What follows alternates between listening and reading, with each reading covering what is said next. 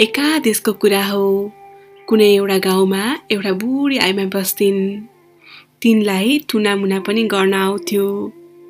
एक दिन एउटा राजा घुम्दै घुम्दै त्यही बुढीको घरमा पुगेछन्।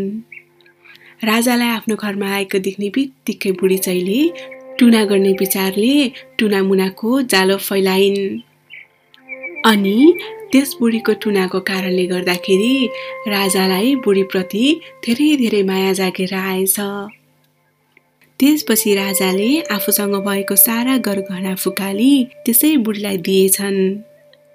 त्यस बुढीले पनि आफ्नो काम फत्ते भएको देखेर हर्षले गदगद हुँदै सारा गहनाहरू जमिन मुनि गाडी छिन् धेरै बेरसम्म पनि राजा नफर्केको देखेर राजाका मन्त्रीहरू राजालाई खोज्दै खोज्दै आइपुगेछन्।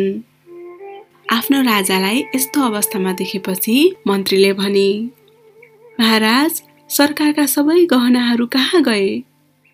यस्तो गति कसरी भयो? त्यसपछि राजाले मन्त्रीलाई जवाफ दिएछन् दुखी उप दया गर्नु त मेरो कर्तव्य ठान्छु। त्यहाँ एउटा गरिब बुढी रहेछ त्यसलाई मैले आफ्नो सबै गहना दिएँ। राजाको यस्तो कुरा सुन्ने बित्तिकै त्यस मन्त्रीलाई साह्रै रिस उठेर आएछ। अनि त्यसपछि त्यस मन्त्रीले भन्न थाले सरकार त्यो बुढी कहाँ छे? कतै त्यो टुनामुना गर्ने बुढी त होइन। म त्यसलाई अहिले नै यो तरबारले काटेर दुई टुक्रा बनाइदिन्छु। यति भनेर त्यस मन्त्री घरभित्र पसे। घरभित्र बुढियालाई देख्ने बित्तिकै मन्त्री पनि बुढियाको जालोमा परिए। त्यसपछि राजाले मन्त्री किन बाहिर आउँदैनन्? भनेर भित्र पसी हेर्न थाले। उता मन्त्रीले भने आफ्नो लुगाधरी खोलेर त्यस बुढियालाई दिएछन्। त्यसपछि राजा र मन्त्री त्यहाँबाट आफ्नो दरबारको बाटो लागे। जब उनीहरू दरबारमा पुगे रानीले राजाको यस्तो हालत देखेर छक्क परिन्। अनि त्यसपछि उनले भनिन् महाराज यो के कति गरेर सवारी भइबक्सेको? सरकारका सबै गहनाहरू खोइ मन्त्री पनि बौला जस्तै भएर आएछन्। यस्तो के गति गरी बक्सेको त्यसपछि राजाले जवाफ दिए गाउँमा एउटा बुढी गरिब आइमाई रहेछन् त्यसैलाई सबै कुरा दिएर आयौँ। राजाको यस्तो कुरा सुनिसकेपछि रानीले फेरि सोधिन् फैगो त। हजुरले त ती गरिब बुढियालाई दिबक्सेछ। तर मन्त्रीले चाहिँ कसलाई दिए नि? अनि त्यसपछि फेरि राजाले जवाफ दिए। मन्त्रीले पनि तिनै बुढियालाई दिए। राजाको यस्तो कुरा सुन्ने बित्तिकै रानीको क्रोधको सीमा रहेन। त्यसपछि रानीले कहाँ चाहिँ त्यो जाली बुढी भन्दै हातमा तरवार लिएर मन्त्रीको साथ लागि गइन्? रानीलाई देख्ने बित्तिकै बुढीले हत्त नपत्त आफ्नो टुनामुना गर्न लागि। यसरी टुनामुनाको कारण त्यस बुढियालाई मार्छु भनेर गएकी रानी? बुढियालाई देख्ने बित्तिकै उनको मनमा उनीप्रति माया जागेर आएछ। अनि उनले पनि आफ्नो सारा गहना फुकालेर त्यसै बुढियालाई दिइन्।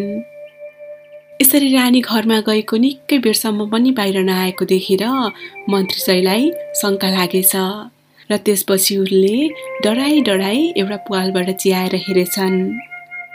यसरी पुवालबाट चियाएर हेर्दा मन्त्रीले रानीले आफ्नो लगाएको लुगा समेत फुकाल्न लागेको देखेर मन्त्रीले भने अब चाहिँ भएन। केही न केही त गर्नै पर्यो यति सोचेर मन्त्री घरभित्र पसे। र त्यसपछि घरभित्र पस्ने बित्तिकै एकैचोटिमा त्यस बुढीलाई आफ्नो तरबारले दुई टुक्रा बनाइदिए। अनि रानी र मन्त्री त्यहाँबाट सरासर आफ्नो दरबारतिर हिँडे। केही टाढा पुगिसकेपछि रानीले यसो पछाडि फर्केर हेरिन्। पछाडि फर्केर हेर्दा त त्यो मरेकी बुढी उनकै पछि पछि आइरहेकी थिए त्यसपछि रानीले डराई डराई अचम्म मानेर मन्त्रीलाई भने हेर त मन्त्री त्यो मरेको बुढी त पछि पछि आउँदैछ यति भनिसकेपछि मन्त्री र रानी डराउँदै छिटो छिटो हिँडेर त्यहाँबाट आफ्नो दरबारको बाटो लागे।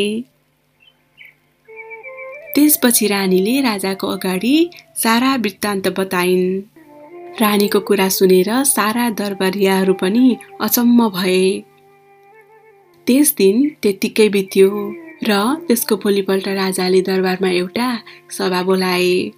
सभामा राजाको हुकुम भयो।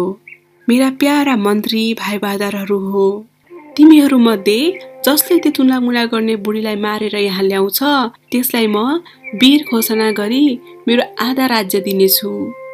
राजाको यस्तो हुकुम सुन्ने बित्तिकै सबैको मनमा राज्यप्रतिको लोभ जाग्यो।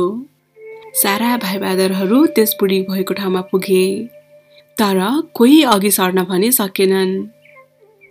यतिकैमा सबैजना टाढा बसी बुढीको घरतिर मात्र हेर्न लागे। त्यस टुनामुना गर्ने बुढीले यो कुराको चाल पाइन् र टुनामुना गर्न लागिन्। र त्यसपछि त्यो बुढियाले राजाको हजारौँ फौजहरूलाई एकैछिनमा भेडाहरू बनाइदिए। उता राजाको मनमा भने शङ्का पैदा भयो। र त्यसपछि राजाले कुरा बुझ्न पठाउँदा सबै फौजहरू भेडा बनेर घाँस खाइरहेका थिए। यस्तो खबर सुन्ने बित्तिकै राजाले त्यस बुढियाको शक्तिको तारिफ गर्न लागे।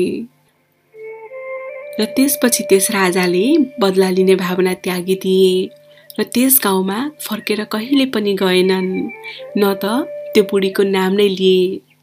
हजुरहरूलाई यो कथा कस्तो लाग्यो त? आशा छ मन पर्यो होला। र छिट्टै नै अर्को कथाको साथ उपस्थित हुनेछु। अहिलेको लागि भने बिदा दिनुहोस्। नमस्ते।